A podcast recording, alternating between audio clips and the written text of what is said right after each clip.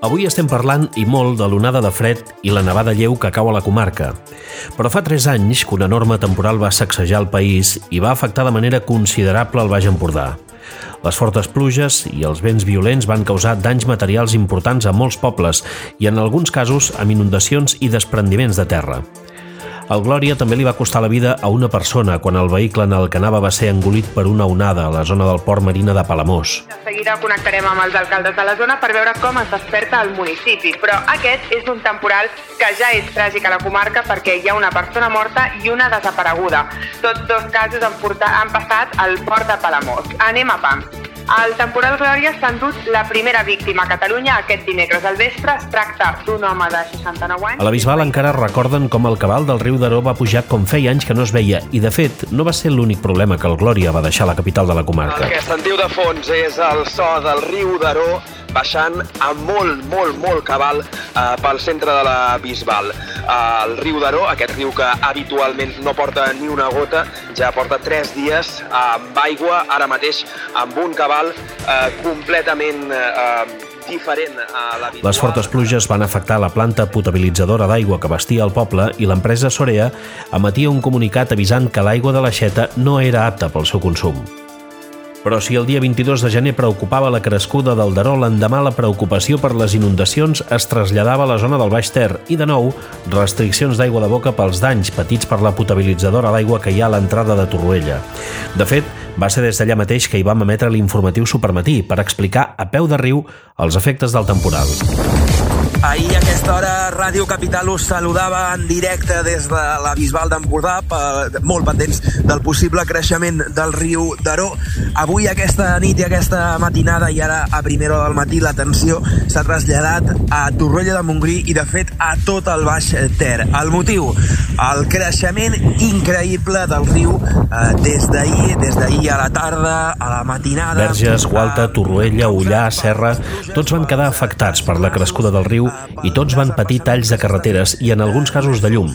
De fet, un curtcircuit en una línia elèctrica que passava a tocar del riu va deixar sense llum els veïns de Verges, Ullà i Jafra. Les imatges del moment, que es van difondre per internet, són espectaculars però el centre i el sud de la comarca no es van salvar dels efectes del temporal. El riu Ridaura, al seu pas per Santa Cristina, també anava ple i les platges i passejos marítims de Calonja i Sant Antoni, Sant Feliu o Platja d'Aro van patir de valent els efectes de la pertorbació. A Palafrugell es van dur gairebé tota la sorra de la platja de Calella i el passeig de Llafranc, també malmès, es va reparar en part amb fons provinents de costes que va condicionar la seva reparació a que se'n reduïssin les dimensions. A Tamariu, per la seva banda, una part del camí es va esfondrar després del pas d'un camió. L'aigua havia descalçat una part del passeig i s'havia de reomplir el forat d'uns 5 metres. A Palafrugell, la factura del Glòria la van xifrant 1,1 milions d'euros. Repassem ara l'estat de les carreteres a aquesta hora al Baix Empordà perquè algunes estan tallades per pluja. La C252 de Verges quasi arribant a Parlavà. I també a Pals i va tenir conseqüències més enllà de la primera línia de mar, ja que els arrossaires van haver de fer front a una forta entrada d'aigua marítima i, per tant, salada, a la zona dels arrossars, posant en risc la collita. Són les 8 del matí, bon dia des de Pals i bon dia al alcalde de Torroella, Jordi Colomí. Comencem, com està Torroella?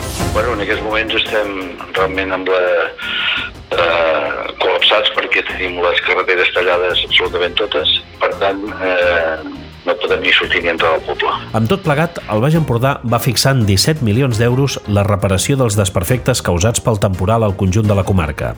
En alguns pobles petits, però, la factura va ser sagnant, com per exemple el cas d'Ullà, que amb un pressupost de poc més d'un milió d'euros va haver de fer front a gairebé 600.000 euros en desperfectes. Bon dia, s'instal·laran les instal·lacions elèctriques de les zones comunes, es pintaran les zones interiors i es canviaran els vinils exteriors, entre d'altres. El Glòria es va donar per acabat el 25 de gener del 2020, però els seus efectes es van notar durant molt de temps. De fet, algunes de les obres o reparacions encara no s'han pogut fer, ja que van quedar aturades per l'arribada de la Covid i les seves conseqüències, però d'aquest temporal, si de cas, ja en parlarem un altre dia. De moment, si voleu recuperar tota la informació que vam generar en relació amb el Glòria, podeu fer-ho a través del web radiocapital.cat. No cal dir que, com sempre que passen coses importants a la comarca, sempre hi som.